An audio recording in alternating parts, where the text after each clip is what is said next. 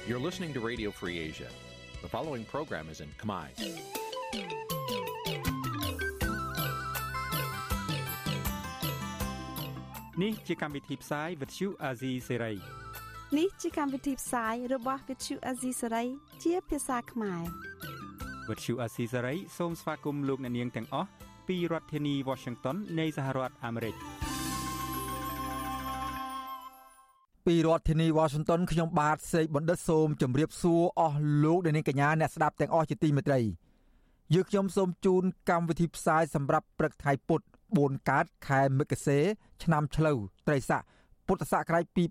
2565ត្រូវនៅថ្ងៃទី8ខែធ្នូគ្រិស្តសករាជ2021បាទជាដំបូងនេះសូមអញ្ជើញអស់លោកអ្នកនាងស្ដាប់ព័ត៌មានប្រចាំថ្ងៃដែលមានមេតិការដូចតទៅ។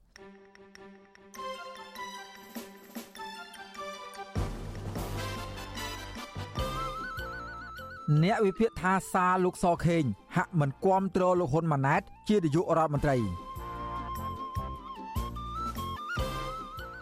សកម្មជនដេកឃ្លីស្នើតុលាការខេត្តកោះកុងទម្លាក់ការចោទប្រកាន់ពួកគាត់តុលាការបំបីសវនាការសកម្មជនបកប្រឆាំងចំនួន42នាក់ជា7 លោកហ៊ុនសែននឹងទៅភូមានៅដើមខែមករាខាងមុខរួមនឹងព័ត៌មានផ្សេងផ្សេងមួយចំនួនទៀត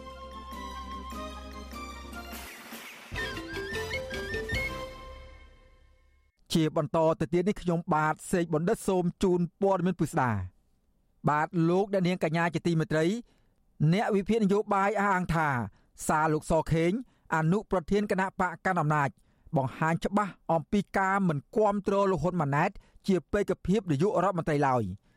បាទពីរដ្ឋធានីវ៉ាស៊ីនតោនលោកទីនសាការីយ៉ារាយការណ៍ជុំវិញព័ត៌មាននេះលោកសកខេងបានចេញសារជាលើកដំបូងហាក់បញ្ចាប់អារម្មណ៍ឬគាំទ្រលោកហ៊ុនម៉ាណែតជាបេក្ខជននាយករដ្ឋមន្ត្រី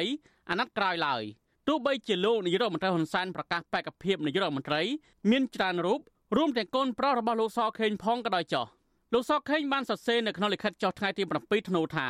លោកនៅតែគោរពនិងគាំទ្រសេចក្តីសម្រេចរបស់មហាសន្និបាតនិងសន្និបាតរបស់គណៈបកប្រជាជនកម្ពុជាក្នុងការជ្រើសតាំងលហ៊ុនសែនជាប្រធានគណៈបកប្រជាជនកម្ពុជា ជានាយករដ្ឋមន្ត្រីសម្រាប់អាណត្តិនេះនិងអាណត្តិបន្តបន្ទាប់ទៀតលោកសកខេងសរសេរបន្ថែមថាចំពោះការជ្រើសរើសបកភាពនាយករដ្ឋមន្ត្រីនៅពេលអនាគតលោកក៏នឹងគោរពតាមការសម្រេចរបស់គណៈបកប្រជាជនកម្ពុជាដែលលោកហ៊ុនសែនជាប្រធាន លិខិតរបស់លោកសខេងនេះខុសពីមន្ត្រីហែហោមរបស់លោកហ៊ុនសែនដែលចេញញត្តិគាំទ្រលោកហ៊ុនម៉ាណែតជាបេក្ខភាពនាយករដ្ឋមន្ត្រីជាបន្តបន្ទាប់ក្រោយពីលោកហ៊ុនសែនបានប្រកាសជាសាធារណៈកាលពីសប្តាហ៍មុនលោកសខេងមិនបានលើកឈ្មោះលោកហ៊ុនម៉ាណែតឬគាំទ្រលោកហ៊ុនម៉ាណែតជាបេក្ខភាពនាយករដ្ឋមន្ត្រី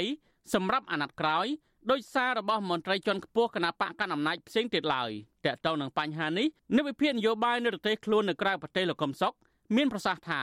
សាររបស់លោកសខេងនេះ បង្ហាញកាន់តែច្បាស់ថាផ្ទៃក្នុងគណៈបកកណ្ដាលអំណាចកំពុងតែបែកបាក់ហើយក៏មិនទាន់មានការសម្រេចពីផ្ទៃក្នុងបកទាំងស្រុងពីករណីលហ៊ុនម៉ាណែតជាបេក្ខភាពនាយករដ្ឋមន្ត្រីដែរសាររបស់លោកសខេងបង្ហាញពីការគ្រប់គ្រងលោកហ៊ុនសែនជាបេក្ខជននាយករដ្ឋមន្ត្រីពីគណៈបកប្រជាជនកម្ពុជាដោយគ្មានលក្ខខណ្ឌក៏ប៉ុន្តែសម្រាប់លោកហ៊ុនម៉ាណែតវិញគាត់បង្ហាញអំពីការសម្របសម្រួល ក្នុងផ្ទៃក្នុងគណៈបកប្រជាជនជាមុនប្រសិនបើគណៈកម្មការចិនត្រៃរបស់គណៈបកប្រជាជនកម្ពុជា សម្រេចបែបណាគាត់ក៏យល់ស្របបែបនោះ មានន័យថាករណីហ៊ុនម៉ាណែតជារឿងដែលត្រូវពិភាក្សាផ្ទៃក្នុងជាចាំបាច់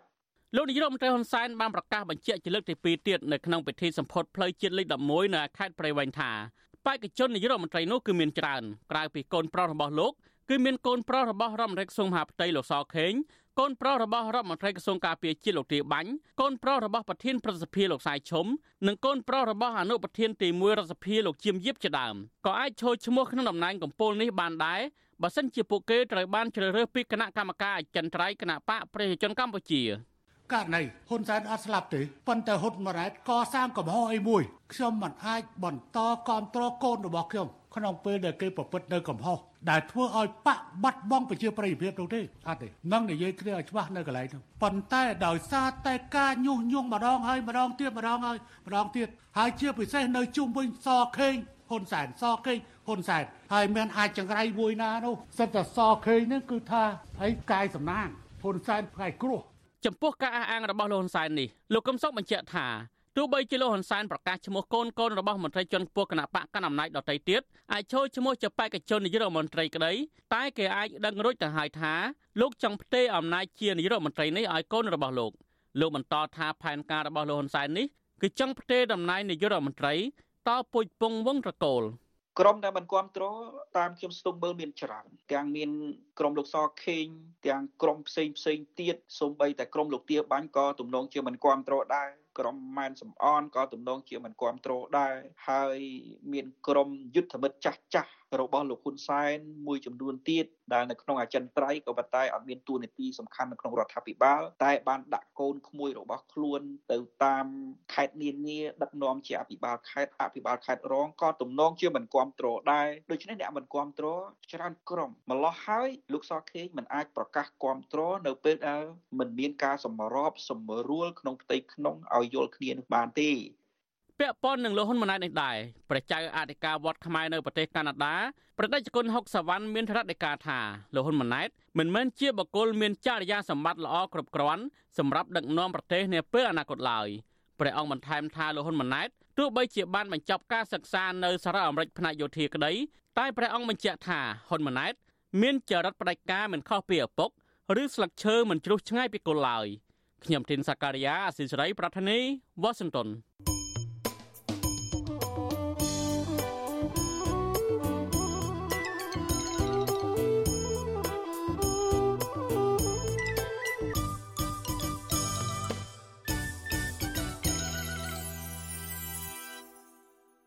បាទលោកអ្នកនាងកញ្ញាជាទីមេត្រីលោកអ្នកនាងកំពុងតាមដានស្ដាប់ការផ្សាយរបស់វិទ្យុអសីសេរីពីរដ្ឋធានី Washington សហរដ្ឋអាមេរិកនៅឯខេត្តកោះកុងឯនោះវិញតំណាងប្រជាពលរដ្ឋ2នាក់ដែលមានវិវាទដីធ្លី និងអ្នកមានអំណាច នៅស្រុកស្រែអំបិលស្នើសុំឲ្យតុលាការខេត្តកោះកុងទម្លាក់ចោលការចោទប្រកាន់លើពួកគាត់ក្រោមបទចោទញុះញង់និងបរិហាកេរជាសាធារណៈ មន្ត្រីសង្គមស៊ីវិលរំពឹងថាតុលាការនឹងពិនិត្យមើលរឿងនេះនិងផ្ដល់យុត្តិធម៌ជូនដល់ពួកគាត់ទាំងពីរនាក់បាទពីរដ្ឋធានី Washington លោកមានរិទ្ធរាយការណ៍ជុំវិញព័ត៌មាននេះការស្នើសុំឲ្យទម្លាក់ចោលបទចោទនៅក្នុងសំណុំរឿងព្រំប្រទាននេះធ្វើឡើងបន្ទាប់ពីតំណាងពលរដ្ឋមានចំនួនដីធ្លី2នាក់នៅឃុំជីខក្រោមស្រុកស្រែអំបិលគឺលោកស្រីផៅញើងនិងលោកស្រីសេងលីនទទួលបានដីកាកោះហៅពីតុលាការខេត្តកោះកុង បង្គាប់ឲ្យពួកគាត់ចូលរួមសវនាការនៅថ្ងៃទី8ខែធ្នូនៅក្នុងដីកាកោះចុះថ្ងៃទី5ខែធ្នូព្រះអាញារងលោកវៃភិរមតម្រូវឲ្យជនជាប់ចោតឈ្មោះផៅញើង និងឈ្មោះសេងលីនចូលសវនាការពាក់ព័ន្ធនឹងបទចោតថាញុះញង់ឲ្យប្រព្រឹត្តអំពើបង្កឲ្យមានភាពវឹកវរដល់សន្តិសុខសង្គមនិងបរិហាកេរជាសាធារណៈ ប្រព្រឹត្តនៅមុខក្រសួងដែនដីនៅក្នុងរាជធានីភ្នំពេញកាលពីថ្ងៃទី25ខែវិច្ឆិកាឆ្នាំ2019ក្នុងដីកានោះលោកវៃភិរមមិនបានបង្ហាញឈ្មោះដើមបណ្ដឹងនៅក្នុងសំណុំរឿងនេះទេវិសុវស៊ីស្រីមិនអាចសុំការឆ្លើយបំភ្លឺរឿងនេះពីអ្នកនាំពាក្យតំណាងអัยការអមសាលាដំបងខេត្តកោះកុងលោកវៃភិរមបាននៅឡើយទេនៅថ្ងៃទី7ខែធ្នូដោយទូរស័ព្ទហៅចូលតែពុំមានអ្នកទទួល តំណាងពលរដ្ឋម្នាក់ដែលរងការចាត់ប្រកាន់នេះគឺលោកស្រីផៅញើងប្រាប់វិសុវស៊ីស្រីនៅថ្ងៃទី7ខែធ្នូថាក្រមប្រជាពលរដ្ឋជិត200គ្រួសារចេញតវ៉ារកដំណោះស្រាយដីធ្លីទាំងអស់គ្នាដោយគ្មានអ្នកណាទៅញុះញង់អ្នកណានោះទេដោយសារតែពួកគាត់នៅមិនទាន់ទទួលបានដីសម្បត្តិសង្គមគិច្ចរបស់រដ្ឋាភិបាលនិងបានកម្មសិទ្ធិកាន់កាប់ដីធ្លីពីអាជ្ញាធរនៅឡើយទេ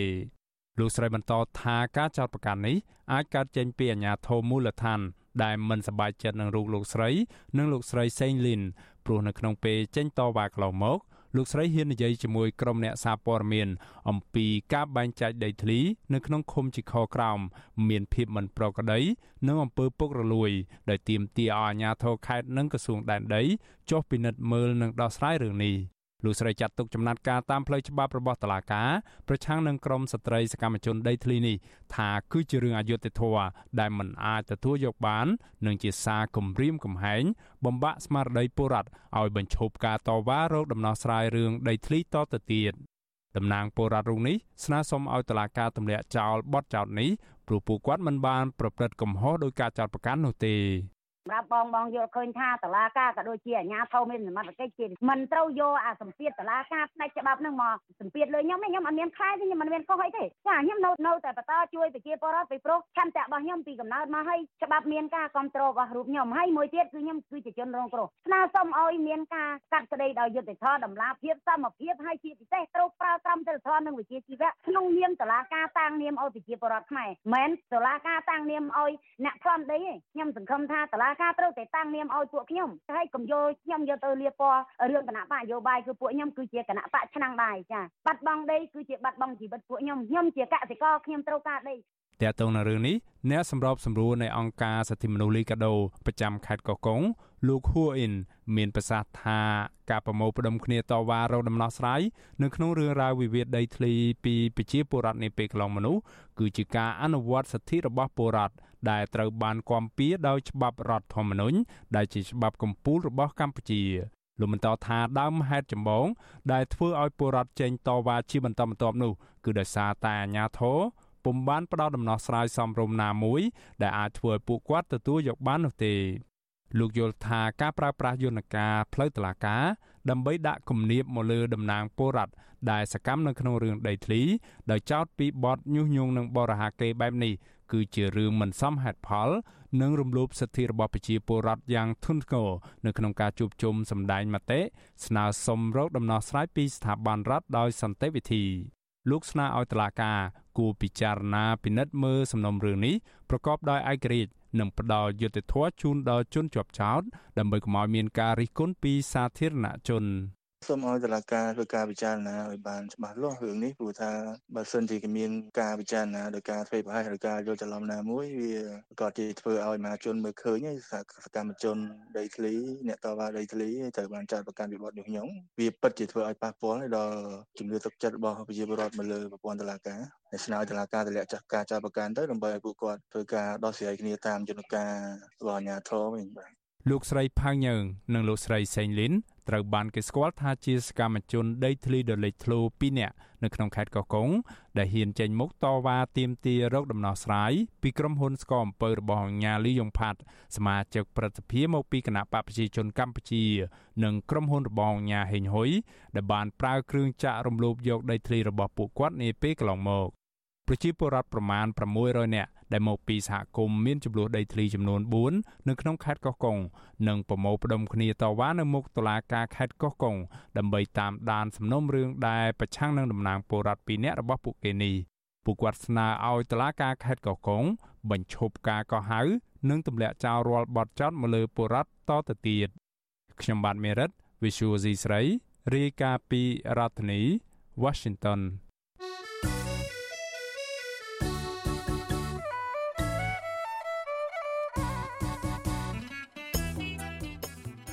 បាទលោកនាងកញ្ញាជាទីមេត្រីក្រៅពីការតាមដានស្ដាប់ការផ្សាយរបស់វិទ្យុអស៊ីសេរីតាមបណ្ដាញសង្គម Facebook YouTube Telegram លោកអ្នកនាងក៏អាចតាមដានស្ដាប់ការផ្សាយរបស់យើងខ្ញុំតាមរយៈបណ្ដាញសង្គម Instagram របស់វិទ្យុអស៊ីសេរីតាមរយៈតំណភ្ជាប់ www.instagram.com/rfa ខ្មែរ វិទ្យុអសីស្រីបន្តខិតខំផ្សព្វផ្សាយព័ត៌មានពិតទៅកាន់បងប្អូនតាមរយៈបណ្ដាញសង្គមផ្សេងផ្សេងនិងសម្បូរបែបដើម្បីលោកនាងងាយស្រួលតាមដានការផ្សាយរបស់វិទ្យុអសីស្រីគ្រប់ពេលវេលា និងគ្រប់ទីកន្លែងតាមរយៈទូរស័ព្ទរបស់អស់លោកនាង បាទសូមអរគុណ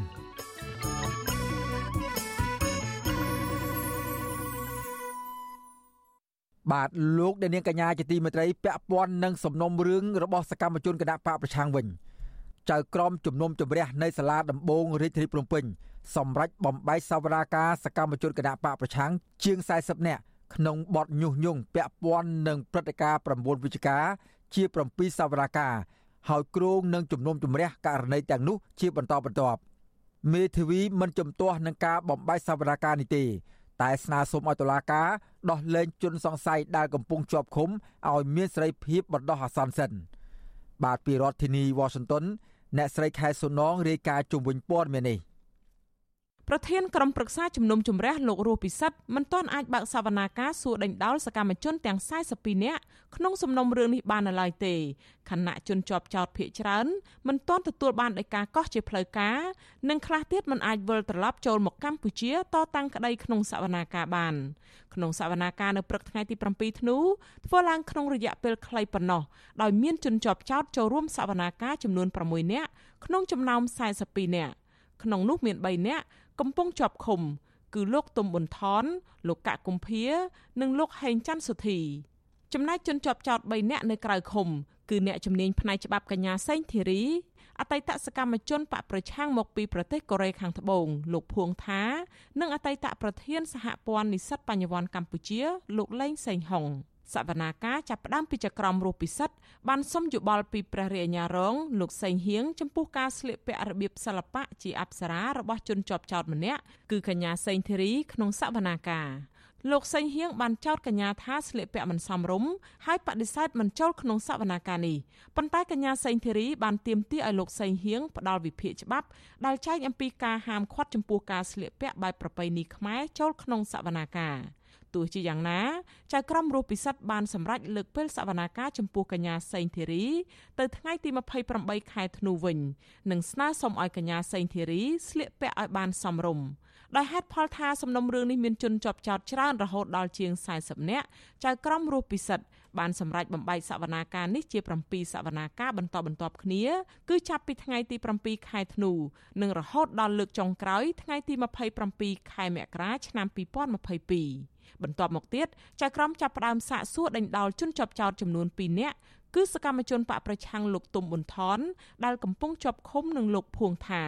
សំណួរភាកច្រើនរបស់ចៅក្រមគឺឲ្យជនជាប់ចោតបង្ហាញទស្សនៈផ្ទាល់ខ្លួនចំពោះព្រឹត្តិការណ៍គម្រោងមាតុភូមិនិវត្តថ្ងៃទី9វិច្ឆិកាឆ្នាំ2019របស់ប្រធានស្ដីទីគណៈបកសង្គ្រោះជាតិលោកសំរាំងស៊ី លោកមេធាវីសំសុគង្គដែលកាន់ក្តីរឿងនេះឲ្យដឹងថាលោកទុំប៊ុនថនបានប្រើសិទ្ធិមិនឆ្លើយនឹងសំណួរជាច្រើនដោយហេតុថាលោកភ្លេចព្រោះហេតុការណ៍នោះកើតឡើងយូរហើយចំណែកលោកភួងថាដែលនៅក្រៅឃុំវិញប្រាប់វិទ្យុអាស៊ីសេរីថាលោកបានឆ្លើយនឹងសំណួរជាច្រើនពាក់ព័ន្ធនឹងព្រឹត្តិការណ៍9វិច្ឆិកាឆ្នាំ2019លោកអះអាងថាលោកមិនបានពាក់ព័ន្ធនឹងព្រឹត្តិការណ៍នេះទេ ហើយលោកក៏មិនដែលពាក់ព័ន្ធជាមួយគណៈបកប្រឆាំងយូរឆ្នាំមកហើយដែរ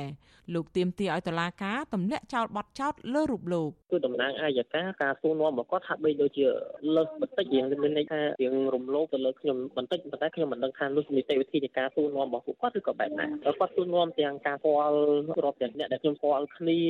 នេះខ្ញុំគិតថាដូចជាវារំលោភទៅឯកជនរបស់ខ្ញុំក្នុងសវនាការនោះដែរមេធាវីសំសុគងបញ្ជាក់ថាសមត្ថកិច្ចយកដីកាកោះនេះទៅបិទនៅអគារទីស្នាក់ការគណៈបកសង្គ្រោះជាតិតែมันបានយកដីកាកោះហៅនេះទៅប្រកល់ឲ្យកូនក្តីលោកជាផ្លូវការនោះទេ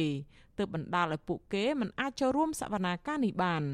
លោកមេធាវីមិនជំទាស់ទៅនឹងការសម្រេចបំបែកសវនាការនេះឡើយតែលោកស្នើសុំឲ្យតុលាការដោះលែងជនជាប់ចោតចំនួន3នាក់ឲ្យមានសេរីភាពបណ្ដោះអាសន្នមុននឹងតុលាការបន្តនីតិវិធីសវនាការបន្តទៀត។ សវនាការចូលបីបន្តយូរវែងឆ្ងាយក៏ដោយប៉ុន្តែយើងគួរតែគិតសិទ្ធិរបស់ជនជាប់ចោតសិទ្ធិដែលអ្នកកំពុងតែជាប់ឃុំហ្នឹងហើយបើអាចតឡាការពិចារណាបានគួរតែពិចារណាឲ្យគាត់នឹងបាននៅក្រៅឃុំជាដោះសន្នដោយដាក់លក្ខខណ្ឌឲ្យគាត់នឹងមកបង្ហាញខ្លួនចូលរួមសវនាការជាធម្មតាក្រោយការសួរដេញដោលអ្នកទាំងពីររួចគឺម៉ោងជាង11ថ្ងៃត្រង់លោករស់ពិសិដ្ឋបានប្រកាសផ្អាកសវនាការសម្រាប់ថ្ងៃដំបូងនេះហើយនឹងបន្តនៅថ្ងៃទី9ធ្នូទៀត ប៉ុន្តែជនជាប់ចោតម្នាក់គឺជាសមាជិកជាប់ឆ្នោតក្រុមប្រឹក្សារាជធានីរបស់គណៈបកសង្គ្រោះជាតិដែលកំពុងជាប់ឃុំ គឺលោកកកុម្ភាមិនពេញចិត្តចំពោះការកោះហៅលោកមកសវនាការហើយបែរជាមិនបានសាកសួរដេញដោលទៅវិញលោកស្នើសុំឲ្យតុលាការបញ្ឈប់ការកោះហៅលោកពីពន្ធនាគារបន្តទៀតប្រសិនបើមិនបានសួរដេញដោលលោកនោះព្រោះលោកមានជំងឺប្រចាំកាយច្រើនមុខដែលពិបាកក្នុងការធ្វើដំណើរម្ដងម្ដង។ ក្នុងបន្ទប់សវនាការនេះមានការចូលរួមពីតំណាងស្ថានទូតលោកសេរីជាច្រើនប្រទេសតំណាងអង្គការសហប្រជាជាតិទទួលបន្ទុកសិទ្ធិមនុស្សក្រុមអង្គការសង្គមស៊ីវិលនិងសាច់ញាតិរបស់ជនជាប់ចោតជាច្រើនអ្នកចំណែកនៅខាងក្រៅរបងតុលាការវិញអាជ្ញាធរបានពង្រាយកងកម្លាំងប្រដាប់អាវុធជាច្រើនអ្នកស្របពេលដែលក្រុមអង្គការសង្គមស៊ីវិលសហជីពសកម្មជនក្រុមគ្រួសាររបស់មន្ត្រីបកប្រឆាំងនិងអ្នកគាំទ្រជាច្រើនអ្នករងចាំលើកទឹកចិត្តជនជាប់ចោត។ នៅពេលចេញពីបន្ទប់សវនាការកញ្ញាសេងធីរីបានបង្ហាញការមិនពេញចិត្តចំពោះការបំបែកសវនាការនេះកញ្ញាបន្តហៅសវនាការនេះថាជាឆាកលខោនយោបាយនិងយល់ថាមន្ត្រីតុលាការមានចេតនារដ្ឋបတ်សវនាការលើរូបកញ្ញាដើម្បីកុំឲ្យសហគមន៍អន្តរជាតិនិងពលរដ្ឋខ្មែរចាប់អារម្មណ៍ទើបបំបែកសវនាការរបស់កញ្ញាឲ្យនៅតែម្នាក់ឯងនិងដាក់ឲ្យគៀកថ្ងៃចូលឆ្នាំសកល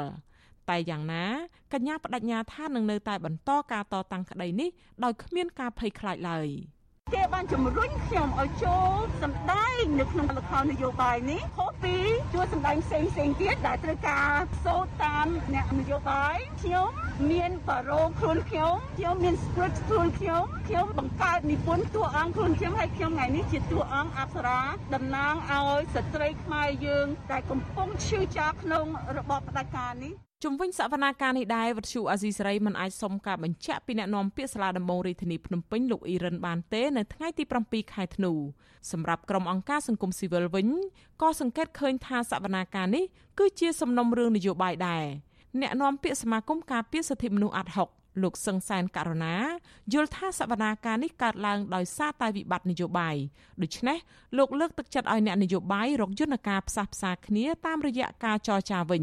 ជៀសវាងការប្រើប្រាស់ប្រព័ន្ធតុលាការបែបនេះ។ ករណីទាំងអស់នេះខ្ញុំជឿជាក់ថាបើសិនជាស្ថានភាពនយោបាយមានភាពល្អប្រសើរហើយសិទ្ធិសេរីភាពរបស់កម្មជននយោបាយទាំងអស់ហ្នឹងក៏មានសេរីភាពទៅតាមនឹងដែរសាលាដំបងរាជធានីភ្នំពេញកាលពីខែវិច្ឆិកាបានបញ្ជូននៃការកោះម្ដងទៀតយកទៅបិទនៅរបងទីស្នាក់ការគណៈបកសង្គ្រោះជាតិនៅសង្កាត់ចាក់អង្រែលើខណ្ឌមានជ័យដើម្បីកោះហៅសកម្មជនបកប្រឆាំងចំនួន42នាក់ឲ្យចូលរួមសវនាការថ្ងៃទី7ខែធ្នូ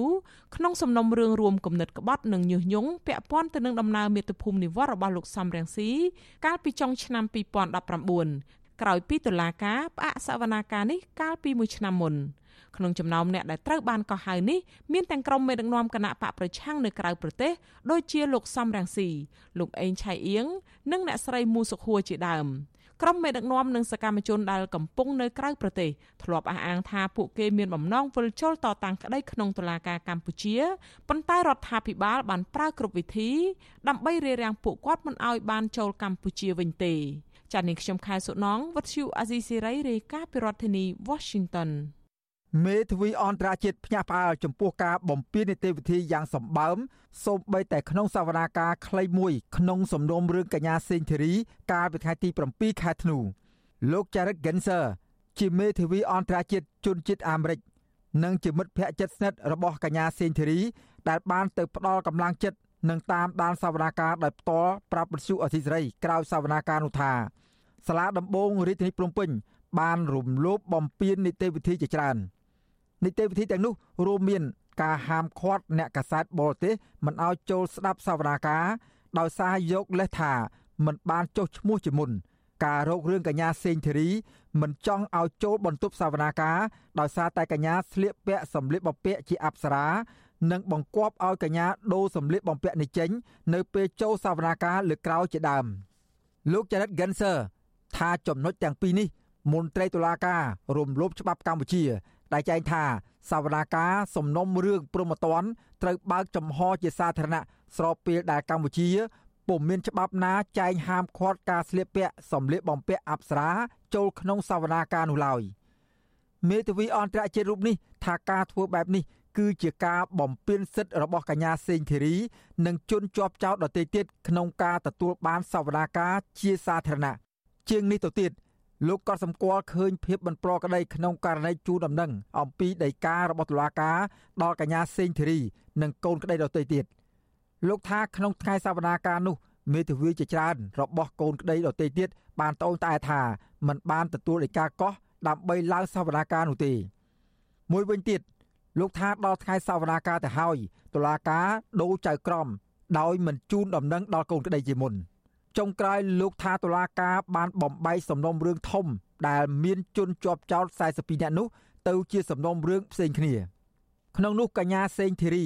ត្រូវតុលាការកំណត់ឲ្យឡើងសវនាការតែម្នាក់ឯងនៅថ្ងៃទី28ខែធ្នូដែលនៅចន្លោះថ្ងៃបុណ្យអន្តរជាតិលោក Jared Genser ថាការបើកសវនាការគៀកថ្ងៃសម្រាប់បុណ្យអន្តរជាតិនេះធ្វើឲ្យលោកបារម្ភអំពីការថយចុះការតាមដានអំពីការកាត់ក្តីព្រោះពលរដ្ឋនៅលើពិភពលោក ត្រូវឈប់សម្រាកថ្ងៃបុណ្យនេះទោះយ៉ាងណាក្តីលោកអំពីវនីវឲ្យពលរដ្ឋខ្មែរនៅក្នុងប្រទេសនាំគ្នាតាមដានរឿងក្តីនេះឲ្យបានច្រើនកកកនៅថ្ងៃទី28ខែធ្នូខាងមុខហើយលោកនឹងព្យាយាមចូលរួមសវនាការនោះទៀតបើលោកអាចលៃលោកបានជុំវិញការយល់ឃើញទូទៅបន្ថែមទៀតរបស់លោកចរិត Genser ជុំវិញដំណើរការក្តីនៅក្នុងតុលាការកម្ពុជានេះ សូមលោកនាងរងចាំស្ដាប់បទសម្ភាសរបស់វិទ្យុអសីស្រីជាមួយមេធាវីអន្តរជាតិរូបនេះនៅក្នុងការផ្សាយរបស់វិទ្យុអសីស្រីនាពេលក្រោយ បាទសូមអរគុណ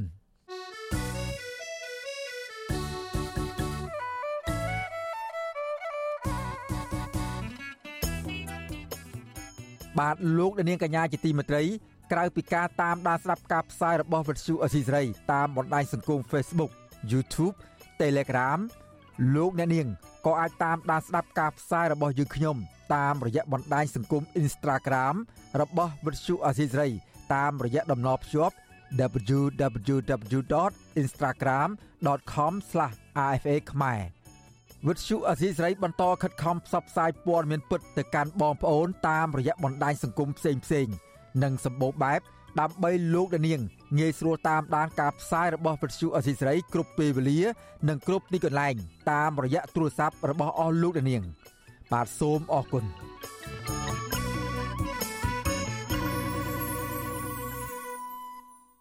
បាទលោកអ្នកនាងកញ្ញាជាទីមេត្រីពាក់ព័ន្ធនឹងតំណែងតំណងការបរទេសវិញសង្គមស៊ីវិលលើកឡើងថា ជំនួបរវាងលោកនាយករដ្ឋមន្ត្រីហ៊ុនសែននិងក្រុមមេដឹកនាំរដ្ឋប្រហារយោធានៃប្រទេសមីយ៉ាន់ម៉ាឬភូមានឹងធ្វើឲ្យកម្ពុជាមានការរិះគន់កាន់តែខ្លាំងពីអន្តរជាតិការលើកឡើងនេះធ្វើឡើងបន្ទាប់ពីលោកហ៊ុនសែនបានជួបជាមួយនឹងរដ្ឋមន្ត្រីការបរទេសភូមាគឺលោកវុនណាម៉ោងលីនពិភាក្សាអំពីកិច្ចសហប្រតិបត្តិការទ្វេភាគីរវាងប្រទេសទាំងពីរនៅរាជធានីភ្នំពេញនៅព្រឹកថ្ងៃទី7ធ្នូ អ្នកនាំពាក្យនៃសមាគមអាត6លោកសង្សានករណាមើលឃើញថាក្នុងជំនួបនេះបើកម្ពុជាពិភាក្សាដើម្បីបង្កើតទំនាក់ទំនងស្អិតរមួតជាមួយរដ្ឋាភិបាលផ្ដាច់ការភូមាហើយមិនបានលើកបញ្ហារំលោភសិទ្ធិមនុស្សជជែកគ្នាដើម្បីឲ្យភូមាងាកមកដើរតាមគន្លងប្រជាធិបតេយ្យនោះទេនឹងធ្វើឲ្យប៉ះពាល់ដល់កិត្តិយសរបស់កម្ពុជាក្នុងនាមជាម្ចាស់ផ្ទះអាស៊ាន នៅឆ្នាំ2022ជាមិនខានលោកបន្តថា កិច្ចសហប្រតិបត្តិការរវាងកម្ពុជាជាមួយនឹងបណ្ដាប្រទេសនៅក្នុងតំបន់អាស៊ាន ជារឿងចាំបាច់ដែលរដ្ឋាភិបាលគួរតែគិតគូរឲ្យបានល្អិតល្អន់ចំនួននេះខ្ញុំគិតថាអាចរងការរិះគន់ទៅវិញទេបើសិនជាផលិតផលនៃចំនួនហ្នឹងมันអាចធ្វើឲ្យមានភាពប្រសើរឡើងទៅលើស្ថានភាពសិទ្ធិមនុស្សហើយនិងប្រជាធិបតេយ្យនៅក្នុងតំបន់ ព្រោះប្រទេសទាំងពីរសន្តិប្រទេសប្រកាន់នៅរបបប្រតិប្រជាធិបតេយ្យប៉ុន្តែផ្ទុយទៅនឹងគឺការអនុវត្តហាក់ដូចជាបានដើរផ្ទុយដែលអនុវត្តមិនបានត្រឹមត្រូវជាពិសេសគេរិះគន់ទៅលើការចាប់ខ្លួនទៅកម្មជននយោបាយឬក៏រដ្ឋបတ်ទៅលើសិទ្ធិនយោបាយរបស់អ្នកដឹកនាំនយោបាយនៅក្នុងប្រទេសមួយមួយដូចគ្នាលោកហ៊ុនសែននិងលោកវុនណាម៉ុងលីនបានពិភាក្សាគ្នាអំពីបញ្ហាអាស៊ានផងដែរ ដើម្បីឲ្យលោកហ៊ុនសែននិងជំរុញឲ្យអាស៊ាន មានកិច្ចសហប្រតិបត្តិការល្អជាមួយនឹងភូមានៅថ្ងៃអង្គារទី7ធ្នូប្រមុខការទូតភូមាក៏បានជូនលិខិតរបស់មេដឹកនាំរបបយោធាភូមា គឺលោកមីងអ៊ុងលៀងអញ្ជើញលោកហ៊ុនសែនឲ្យទៅទស្សនកិច្ចនៅប្រទេសភូមា នៅថ្ងៃទី7និងទី8ខែមករាខាងមុខហើយលោកហ៊ុនសែនបានយល់ព្រមតាមការអញ្ជើញនោះ សមាគមអាស៊ាន បានសម្រេចមិនអនុញ្ញាតឲ្យភូមាចូលរួមកិច្ចប្រជុំកម្ពុជារបស់ខ្លួនជាបន្តបន្ទាប់ក្រោយពីមេដឹកនាំរដ្ឋប្រហារយោធាភូមាលោកមីងអ៊ុងលៀងមិនព្រមបញ្ឈប់អំពើហិង្សាបន្ទាប់ពីបានដឹកនាំធ្វើរដ្ឋប្រហារទម្លាក់អ្នកស្រីអុងសានស៊ូជីចេញពីមុខតំណែងកាលពីខែកុម្ភៈឆ្នាំ2021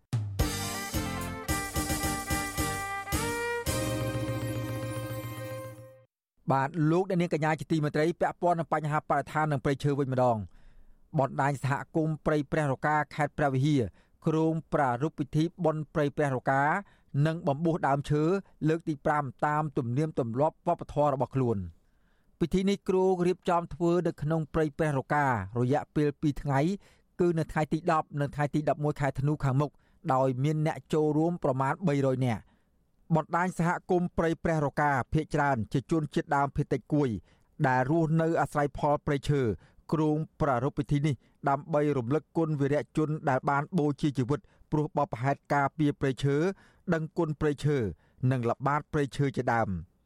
សហគមន៍ក៏មានបំណងប្រាប់ទៅអាជ្ញាធរនិងសាធារណជនថាការចូលរួមការពារព្រៃឈើជាការរួមចំណែកមួយក្នុងការទប់ស្កាត់បទល្មើសព្រៃឈើនិងការពារសត្វព្រៃ គោលបំណងសំខាន់មួយទៀតបណ្ដាញសហគមន៍និងចែករំលែកចំណេះដឹងមូលដ្ឋាននៅក្នុងការគ្រប់គ្រង និងថែរក្សាព្រៃសហគមន៍តំណាងបណ្ដាញសហគមន៍លោកស្រីជួនខឹមប្រាប់ថាក្រមសហគមន៍បានត្រៀមខ្លួនរួចហើយសម្រាប់ប្រារព្ធពិធីមួយនេះលោកស្រីស្នើសុំទៅសកម្មជនបរិស្ថានអាជ្ញាធរនិងមន្ត្រីបរិស្ថានចូលរួមពិធីនេះឲ្យបានច្រើនកកកដើម្បីបង្ហាញកម្លាំងសាមគ្គីនៃការចូលរួមការពារព្រៃឈើ ទាំងសហគមន៍ទាំងត្រីបឋាន បានចូលរួមបានច្រើនណាស់ដោយថាវាបានមួយកម្រិតបានដូចវាជោគជ័យបើសិនថាទាំងត្រីបឋានក៏បានចូលរួមផងខ្ញុំក៏សប្បាយចិត្តនឹងសហគមន៍ទាំងអស់គ្នាក៏មានប៉ុណ្ណឹងដោយថាការពារព្រៃហ្នឹងវាបាននៅគង់វងណាលោកគ្រូស្រដៀងគ្នានេះដែរបណ្ដាញសហគមន៍ម្នាក់ទៀតលោកសុនពៅឲ្យវិទ្យុអសីសេរីដឹងនៅថ្ងៃទី7ធ្នូថា តាមគម្រោង នឹងមានតំណាងសហគមន៍និងអ្នកពាក់ព័ន្ធចូលរួមប្រមាណ300នាក់លោកឲ្យដឹងទៀតថាអាជ្ញាធរមូលដ្ឋានក៏បានចូលរួមពិធីនេះដែរលោកបន្តថាលោកបានជូនដំណឹងទៅប្រធានមន្ត្រីបរិស្ថានរួចហើយដែរលោកថាមន្ត្រីមន្ត្រីបរិស្ថាន បានណែនាំឲ្យរៀបចំពិធីនេះដោយត្រូវរក្សាគម្លាតមានអាកុលលាងដៃដើម្បីបង្ការជំងឺ Covid-19 និងត្រូវមានបង្គន់អនាម័យផង ក៏ប៉ុន្តែលោកថាការចូលរួមបង្ការខ្លួនពីជំងឺ Covid-19 ក្រុមសហគមន៍អាចធ្វើបានដោយឡែកការរៀបចំឲ្យមានបង្គន់អនាម័យសហគមន៍គ្មានលទ្ធភាពធ្វើបានឡើយមាញ់គាត់ខលមកខ្ញុំនឹងឲ្យខ្ញុំទៅយកឯកសារពីគាត់ដើម្បីឲ្យមានទឹកដីនិយមខ្លះខ្លះថាគាត់ផ្ដល់ពីអាវ៉ាត់ជាស្អីគឺខាងស្អីខ្លះខ្លះគាត់ផ្ដល់អាវ៉ាត់ឲ្យយើងដូចបាទគម្រោងឲ្យបើជាទៅខ្ញុំដឹងថាធ្វើទៅបីតិចក៏ធ្វើច្រើនក៏ធ្វើដែរ ជុំវិញរឿងនេះវិទ្យុអសីសេរីបានព្យាយាមសុំបំភ្លឺបន្ថែមពីនាយដែនជំរកសត្វព្រៃព្រះរកាលោកយ៉ានប៊ុនសឿននិងអ្នកនាំពាក្យក្រសួងបរិស្ថានលោកនេតភត្រាប៉ុន្តែទូរស័ព្ទហៅចូលតែគ្មានអ្នកទទួលនៅថ្ងៃទី7ខែធ្នូមន្ត្រីសម្របសម្រួលគម្រោងការផ្ដល់សិទ្ធិអំណាចដល់យុវជន និងអ្នកតស៊ូមតិដើម្បីយុត្តិធម៌សង្គមនិងបរិស្ថាននៃសមាគមបណ្ដាញយុវជនកម្ពុជាហៅកាត់ថា CYN លោកម៉ៅច័ន្ទតារាឲ្យដឹងថា ក្រមយុវជន និងសកម្មជនបរិស្ថានផ្សេងទៀតក៏គ្រោងចូលរួមពិធីនេះដែរអ្នកធ្វើការងារតាក់ទងបរិស្ថានរូបនេះជំរុញទៅក្រសួងបរិស្ថាន និងអាជ្ញាធរអនុញ្ញាតនឹងចូលរួមជាមួយនឹងបណ្ដាញសហគមន៍ធ្វើពិធីនេះឲ្យជោគជ័យដើម្បីថែរក្សាព្រៃឈើនិងវប្បធម៌ប្រពៃណីរបស់ជនជាតិភាគតិច។ ចឹងមើលមើលឃើញថាការអំបួសនេះគឺវាមានសារៈសំខាន់មែនទែនហើយវាជាការចូលរួមចំណែកមួយផ្នែកធំនៅក្នុងឯការកាត់បន្ថយផ្នែកមួយនៃការប្រែប្រួលអាកាសធាតុក៏ដូចជាការបដិញ្ញាចិត្តរបស់ឲ្យប្រមុខរដ្ឋាភិបាលនៅលើឆាកអន្តរជាតិនានាតាក់ទងទៅនឹងឯការសន្យារបស់ខ្លួនក្នុងឯការថែរក្សាគម្រោងព្រៃឈើឲ្យបាន60%ត្រឹមឆ្នាំ2030សំណើរបស់អ្នកធ្វើការងារផ្នែកបរិស្ថានបែបនេះធ្វើឡើងស្របពេលដែលក្រសួងបរិស្ថាន នៅប្រមាណឆ្នាំចុងក្រោយនេះតែងតែរារាំងសកម្មជនបរិស្ថាន និងបណ្ដាញសហគមន៍ការពារព្រៃឈើមិនឲ្យចុះល្បាតព្រៃឈើនិងធ្វើពិធីបំពុះជាដើម ដោយលើកហេតុផលថាមិនបានធ្វើលិខិតស្នើការអនុញ្ញាតឬចោទប្រកាន់ក្រុមសហគមន៍ថាមិនបានចុះបញ្ជីផ្លូវការជាដើមពិធីបុណ្យនេះនឹងចាប់ផ្ដើមធ្វើនៅថ្ងៃទី9ខែធ្នូដោយគណៈកម្មការពិធីបុណ្យរៀបចំសម្អាតទីធ្លាត្រៀមសម្ភារៈនិងពិធីសែនព្រេនអារុក្ខអរិយអ្នកតា និងមានព្រះសង្ឃសម្ដែងធម៌ទេសនាផង នៅថ្ងៃទី10ខែធ្នូជាកម្មវិធីបំពុះដើមឈើពិធីនេះនឹងធ្វើនៅចំណុចអូស្ពង់នៃព្រះរកា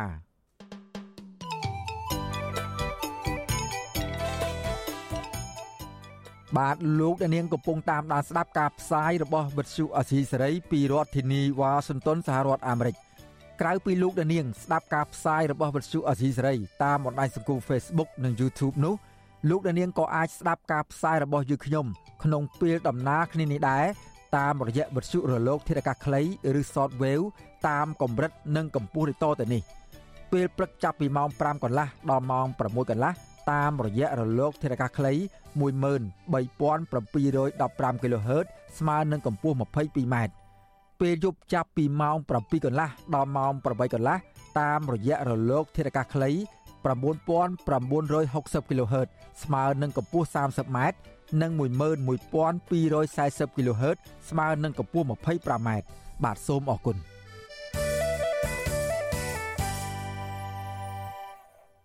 បាទលោកអ្នកនាងកញ្ញាជាទីមេត្រីពាក់ព័ន្ធនឹងបញ្ហាដីធ្លីនិងធនធានធម្មជាតិវិញម្ដង ក្រុមអង្គការសង្គមស៊ីវិលនិងសហគមន៍ជាង20ស្ថាប័នផ្ញើសារទៅរដ្ឋាភិបាលស្នើសុំឲ្យបង្កើតយន្តការច្បាស់លាស់ការពារសិទ្ធិដីធ្លីនិងធនធានធម្មជាតិសម្ដៅនេះធ្វើឡើងនៅក្នុងកម្មវិធីសន្និសិទសហគមន៍ថ្នាក់ជាតិការពារ COVID-19 ការពារសិទ្ធិដីធ្លី និងធនធានធម្មជាតិកាលពីព្រឹកថ្ងៃទី7ខែធ្នូបាទពីរដ្ឋធានីវ៉ាស៊ីនតោនអ្នកស្រីសុជីវីរាយការណ៍ជុំវិញព័ត៌មាននេះ ក្រុមអង្គការសង្គមស៊ីវិលសហជីពនិងបណ្ដាញសហគមន៍ជនជាតិដើមភាគតិចដែលធ្វើការពាក់ព័ន្ធនឹងកសិករសិទ្ធិមនុស្សសិទ្ធិដីធ្លីនិងធនធានធម្មជាតិប្រមាណ1000នាក់បន្តទៀមទារដ្ឋាភិបាល និងស្ថាប័នពាក់ព័ន្ធពិនិត្យមើលនិងដោះស្រាយវិបត្តិដីធ្លីនិងធនធានធម្មជាតិដែលកំពុងកើតមានយ៉ាងក្តៅគគុកក្រុមអង្គការសង្គមស៊ីវិលទាំងនោះរួមមាន សមាគមសម្ព័ន្ធសហគមន៍កសិករកម្ពុជា សមាគមអាត6 អង្គការលីកាដូសមាគមធៀងថ្នោតសមាគមប្រជាធិបតេយ្យឯករាជ្យនិសេតកិច្ចក្រៅប្រព័ន្ធនិងសហគមន៍ជនជាតិដើមភាគតិចនៅខេត្តភៀកឦសានជាដើមប្រធានសមាគមប្រជាធិបតេយ្យឯករាជ្យនិសេតកិច្ចក្រៅប្រព័ន្ធលោកវ៉ុនពៅថ្លែងនៅក្នុងកម្មវិធីនោះថាអ្នករំលោភដីធ្លីមានទាំងអតីតអភិបាលខេត្តអង្គញានិងមន្ត្រីពុករលួយមួយចំនួន បានខົບខិតគ្នាជាប្រព័ន្ធបំផ្លាញធនធានធម្មជាតិនិងសេចក្តីសុខរបស់ពលរដ្ឋខ្មែរលោកថាបញ្ហាទាំងនេះ ធ្វើឲ្យពលរដ្ឋទទួលរងនឹងការឈឺចាប់ឥតឈប់ឈរនិងស្មុគស្មាញប៉ះពាល់ជីវភាពរស់នៅរបស់ពលរដ្ឋប្រការនេះលោកផ្ញើសារទៅរដ្ឋាភិបាលនិងស្ថាប័នពាក់ព័ន្ធត្រូវមានយន្តការជាក់លាក់មួយដោះស្រាយឲ្យមានប្រសិទ្ធភាពលោកសង្កត់ធ្ងន់ថាយន្តការដោះស្រាយដីធ្លីពុំមែនបង្កើតតែគណៈកម្មការរងមុខពលរដ្ឋរងគ្រោះដើម្បីធ្វើទុកបុកម្នេញលើសហគមន៍ដីធ្លីដែលតវ៉ាទាមទារឲ្យអាជ្ញាធររកយុត្តិធម៌ដល់ពួកគាត់នោះទេ យើងមើលឃើញថាដីធ្លីមួយចំនួនទោះបីជាមានប្លង់រឹងប្លង់ទុនយ៉ាងណាក៏ដោយត្រូវបានមន្ត្រីខលខូចពុករលួយមួយចំនួនអុកញ៉ាចិត្តខ្មៅមួយចំនួនតែងតែរំលោភទ្រព្យសម្បត្តិរបស់ប្រជាពលរដ្ឋដែលគាត់អាស្រ័យផលជាច្រើនឆ្នាំមកហើយទាំងអស់នេះវាជាកត្តាមួយដែលធ្វើឲ្យប្រជាពលរដ្ឋខ្មែររងការឈឺចាប់ឥតឈប់ឈរវាជាបញ្ហានៅតែញោមញីនៃការរស់នៅរបស់បងប្អូនជនជាតិដើមភាគតិចនិងបងប្អូនប្រជាពលរដ្ឋខ្មែរទូទាំងប្រទេស រីឯប្រធានសមាគមសម្ព័ន្ធសហគមន៍កសិករកម្ពុជា លោកថេងសាវឿនបានថ្លែងនៅក្នុងកម្មវិធីនោះដែរថាការប្រារព្ធពិធីនេះក្នុងបំណងចែករំលែកក្តីកង្វល់រួមជុំវិញបញ្ហាវិវាទដីធ្លី និងការបាត់បង់ធនធានធម្មជាតិសិទ្ធិលំនៅឋាន ការរំលោភសិទ្ធិមនុស្សដើម្បីជំរុញរដ្ឋាភិបាលពិនិត្យនិងដោះស្រាយដោយវិជ្ជមានលោកថាក្រុមអង្គការសង្គមស៊ីវិលមិនចង់ឃើញរដ្ឋាភិបាល បន្តចាប់ខ្លួនសហគមន៍ដីធ្លី អ្នកការពារបរិស្ថាន និងចាប់ខ្លួនជនជាតិដើមភាគតិចផ្ដន់ទាទោសដោយប្រព័ន្ធតុលាការនោះទេ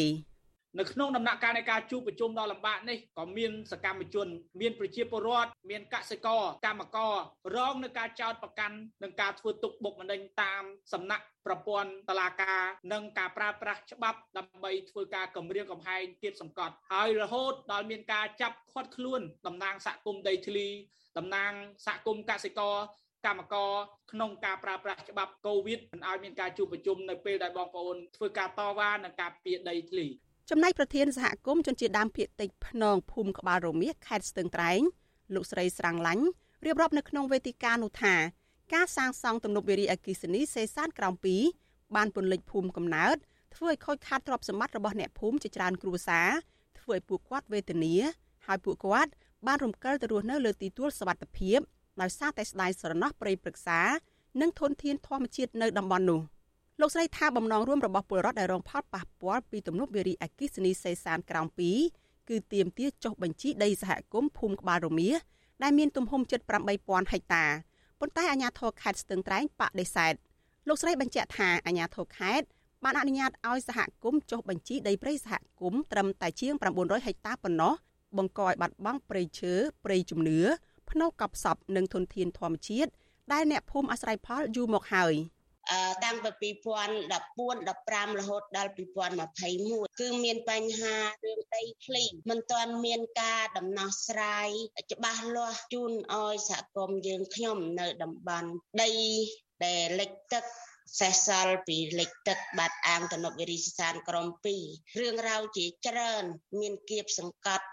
បណ្ដេញឲ្យចាក់ចែងពីភូមិកំណើតរបស់ខ្លួនតំណាងសហគមន៍រូបនេះបង្ហាញពីភាពអយុត្តិធម៌និងការឈឺចាប់ខ្លោចផ្សានៅគ្រាដែលអាញាធររំលោភសិទ្ធិរស់នៅរបស់ជនជាតិដើមភាគតិចភ្នងម្ដងហើយម្ដងទៀតពីគម្រោងអភិវឌ្ឍវារីអគិសនីសេសានក្រោម2លោកស្រីបន្តថាមកទល់ពេលនេះតំណាងសហគមន៍3នាក់ហើយកំពុងជាប់បណ្ដឹងនៅតុលាការ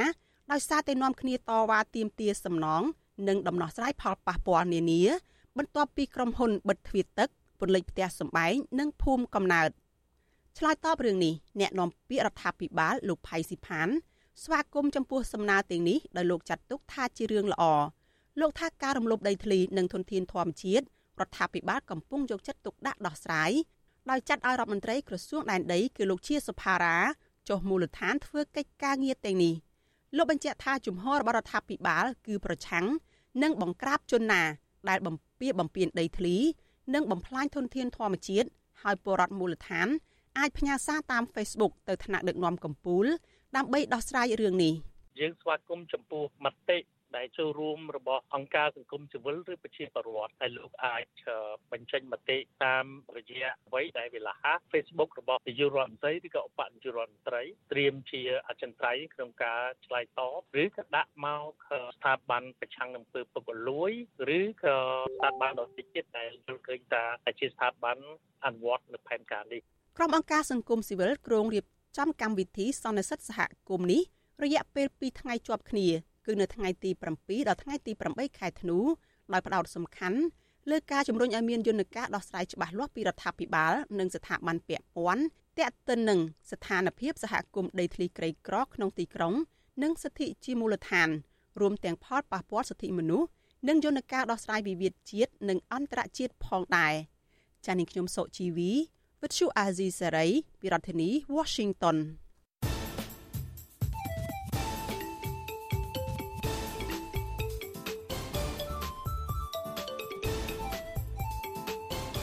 វិភាគ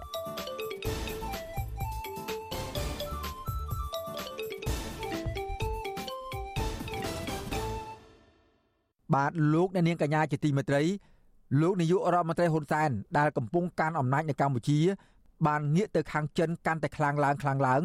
ខណៈដែលរបបនេះកំពុងប្រឈមនឹងការដាក់សម្ពាធនិងទណ្ឌកម្មពីប្រទេសលោកខាងលិច មានជាអាចសហរដ្ឋអាមេរិកសហភាពអឺរ៉ុបនិងប្រទេសប្រជាធិបតេយ្យមួយចំនួនទៀត រដ្ឋាភិបាលលោកហ៊ុនសែនតែងតែបង្ហាញមោទនភាពចំពោះទំនាក់ទំនងស្អិតរមួតរវាងកម្ពុជានិងចិន ដែលហាក់ជាការឌឺដងដល់ប្រទេសលោកខាងលិចដែលកំពុងដាក់គំនាបដល់រដ្ឋាភិបាលរបស់លោកឲ្យងាកមកដើរតាមគន្លងប្រជាធិបតេយ្យនិងគោរពសិទ្ធិមនុស្សក៏ប៉ុន្តែសំណួរដ៏សំខាន់មួយ ដែលគេឯងតែងតែចោទសួរនោះថាតើចិន ដែលលោកហ៊ុនសែនកំពុងតែពឹងផ្អែកខ្លាំងបំផុតនោះ អាចនៅឈរជាបង្អែកការពីរបបលោកហ៊ុនសែនបានរឹងមាំជារៀងរហូតដែរឬទេ បាទសូមលោកដានៀងស្ដាប់បទវិភាគអំពីរឿងនេះរបស់លោកជុនច័ន្ទបុតដូចតទៅសម្ពាធថ្មីថ្មីដែលប្រទេសប្រជាធិបតេយ្យធំធំរួមមានសហរដ្ឋអាមេរិកនិងសហភាពអឺរ៉ុបបានដាក់មកលើប្រទេសកម្ពុជា គឺកើតឡើងក្រោយពីរបបលោកហ៊ុនសែនបានបំផ្លាញចោលនៅក្តីស្រមៃរបស់ពលរដ្ឋខ្មែរដែលចង់ឃើញកម្ពុជាដើរលើគន្លងមួយ ឆ្ពោះទៅកាន់លទ្ធិប្រជាធិបតេយ្យដ៏ពិតប្រាកដលោកហ៊ុនសែនបានរំលាយចោលគណៈបកសង្គ្រោះជាតិដែលជាបកប្រឆាំងដ៏មានឥទ្ធិពលបំផុតអាចតទល់នឹងគណៈបកប្រជាជនកម្ពុជារបស់លោកហ៊ុនសែនលោកហ៊ុនសែនបានធ្វើទុកបុកម្នេញអ្នកនយោបាយបកប្រឆាំងគៀបសង្កត់លើអង្គការសង្គមស៊ីវិលនិងអន្តរជាតិចាប់ខ្លួនអ្នកកសែតមេដឹកនាំសហជីពសកម្មជនសង្គមនិងបរិស្ថាន ដាក់គុកឥតស្រាកស្រានទោះជាយ៉ាងណា ទង្វើរបស់លោកហ៊ុនសែនមិនបានធ្វើឲ្យប្រទេសប្រជាធិបតេយ្យធំធំ ឈរអោបដៃមើលនោះឡើយសហភាពអឺរ៉ុបបានឆ្លើយតបជាបឋមដោយដកប្រព័ន្ធអនុគ្រោះពន្ធ EBA ចំនួន20%ពីកម្ពុជាសហរដ្ឋអាមេរិកក៏នៅមិនទាន់ពិចារណាផ្ដល់ប្រព័ន្ធអនុគ្រោះពន្ធ GSP ជាថ្មីទៀតដល់កម្ពុជានៅឡើយក្នុងពេលជាមួយគ្នានេះសហរដ្ឋអាមេរិកក៏កំពុងតែចាត់វិធានការជាហោហែដើម្បីដាក់សម្ពាធលើរបបលោកហ៊ុនសែនដោយបង្កើតច្បាប់ដាក់ទណ្ឌកម្មលើរបបនេះ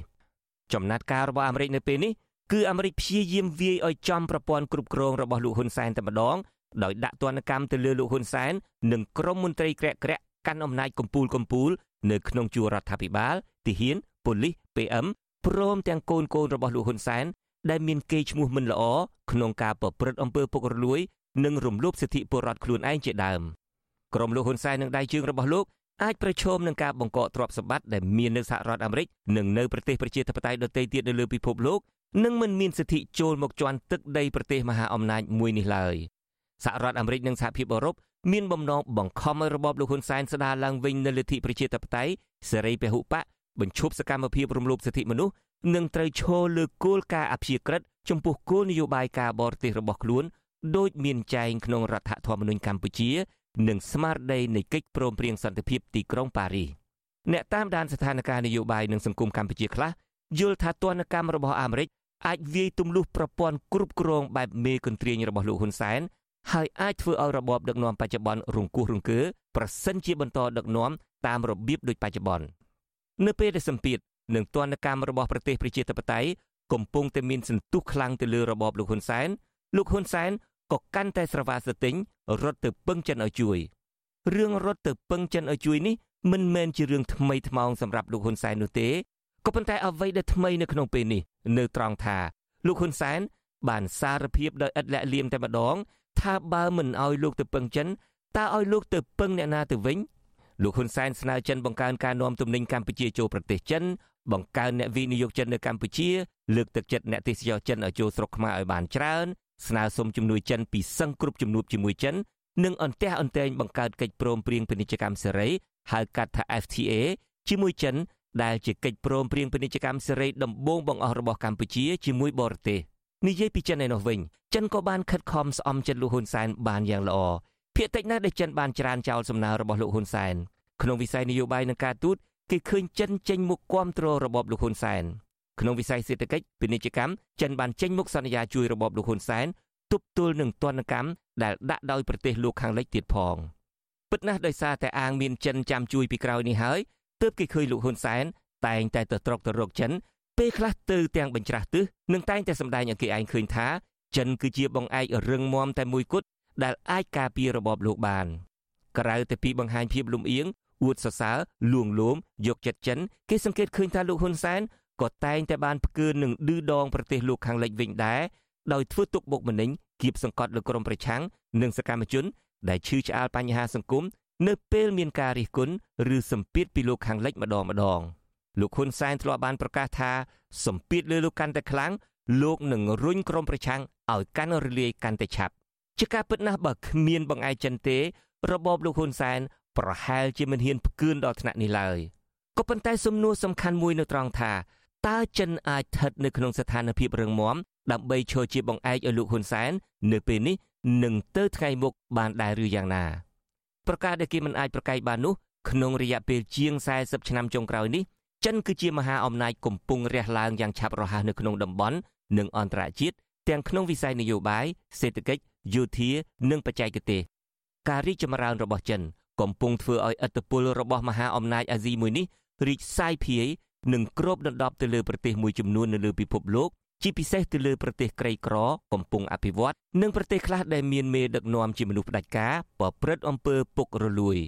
ទោះបីជាយ៉ាងណាក៏ដោយក្នុងពេលដែលចិនកំពុងរះឡើងយ៉ាងត្រចះត្រចង់គួរជាទីបង្អែករបស់មេដឹកនាំផ្ដាច់ការមួយចំនួននោះចិនក៏ត្រូវបានគេមើលឃើញថាកំពុងប្រឈមនឹងបញ្ហាស្មុគស្មាញជាច្រើនដែលអាចរារាំងមហាអំណាចថ្មីមួយនេះមិនឲ្យសម្រេចមហិច្ឆតាលឿនរហ័សរបស់ខ្លួនរហូតដល់មានអ្នកជំនាញខ្លះអះអាងថាចិន កំពុងអស់ពេលសម្រាប់លិចត្រដែតឡើងបន្តទៅទៀតហើយនៅក្នុងអត្ថបទដែលមានចំណងជើងថា The End of China's Rise ឬអវសាននៃការរះឡើងរបស់ចិនចេញផ្សាយដោយទស្សនាវដ្តីមួយឈ្មោះ Foreign Affair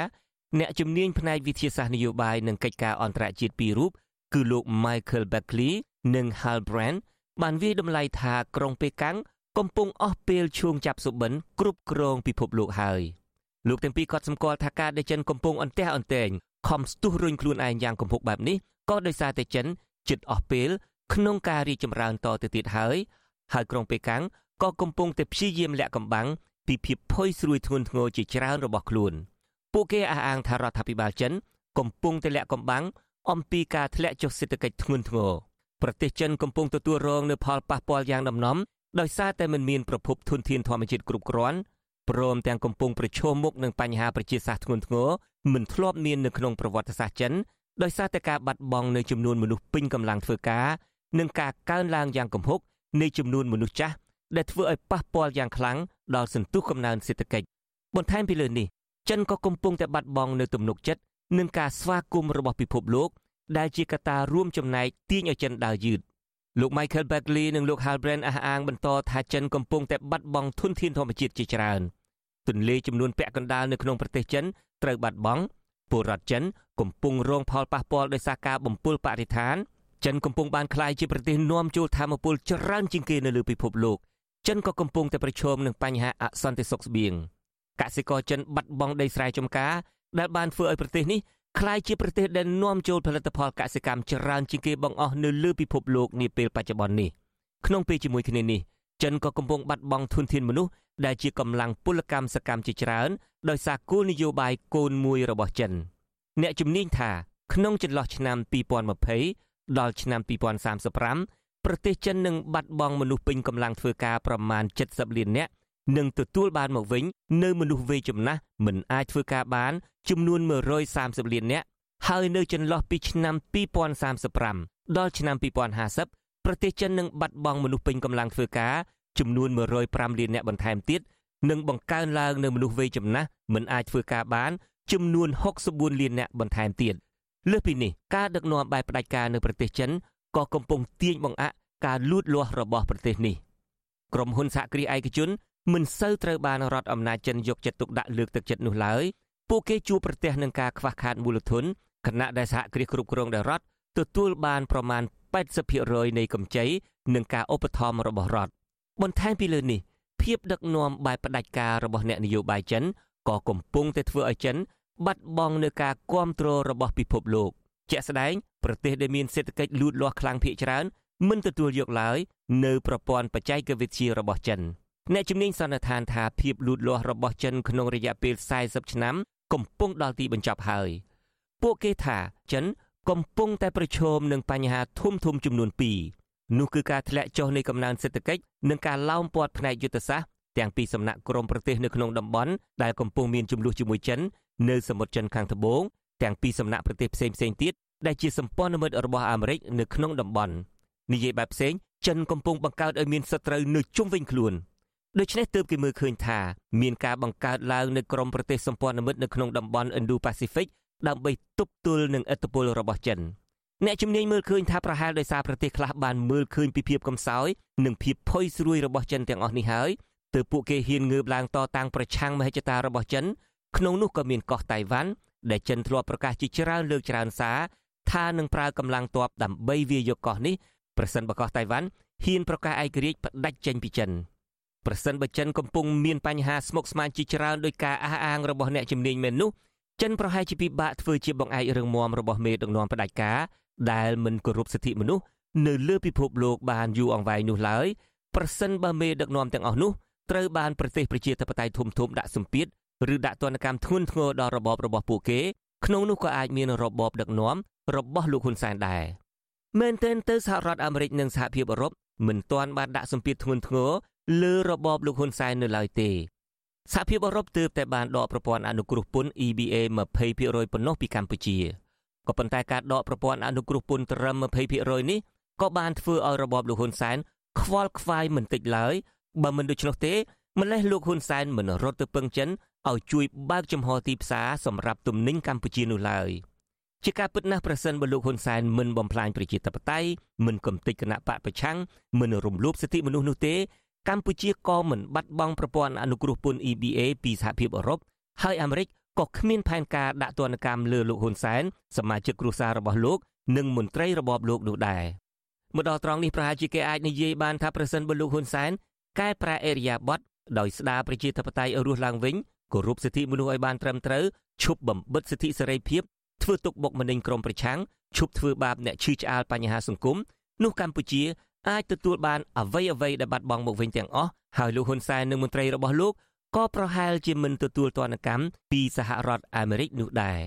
ក៏ប៉ុន្តែលោកហ៊ុនសែនក៏ប្រហែលជាដឹងច្បាស់ថាប្រសិនបើលោកកែប្រែអេរិយាប័តធ្វើកំណែទម្រង់រៀបចំឲ្យមានការបោះឆ្នោតមួយប្រកបដោយលទ្ធិប្រជាធិបតេយ្យសេរីនិងត្រឹមត្រូវពិតប្រាកដលោកប្រហែលជាអាចត្រូវបាត់បង់អំណាចដោយសារបកប្រឆាំង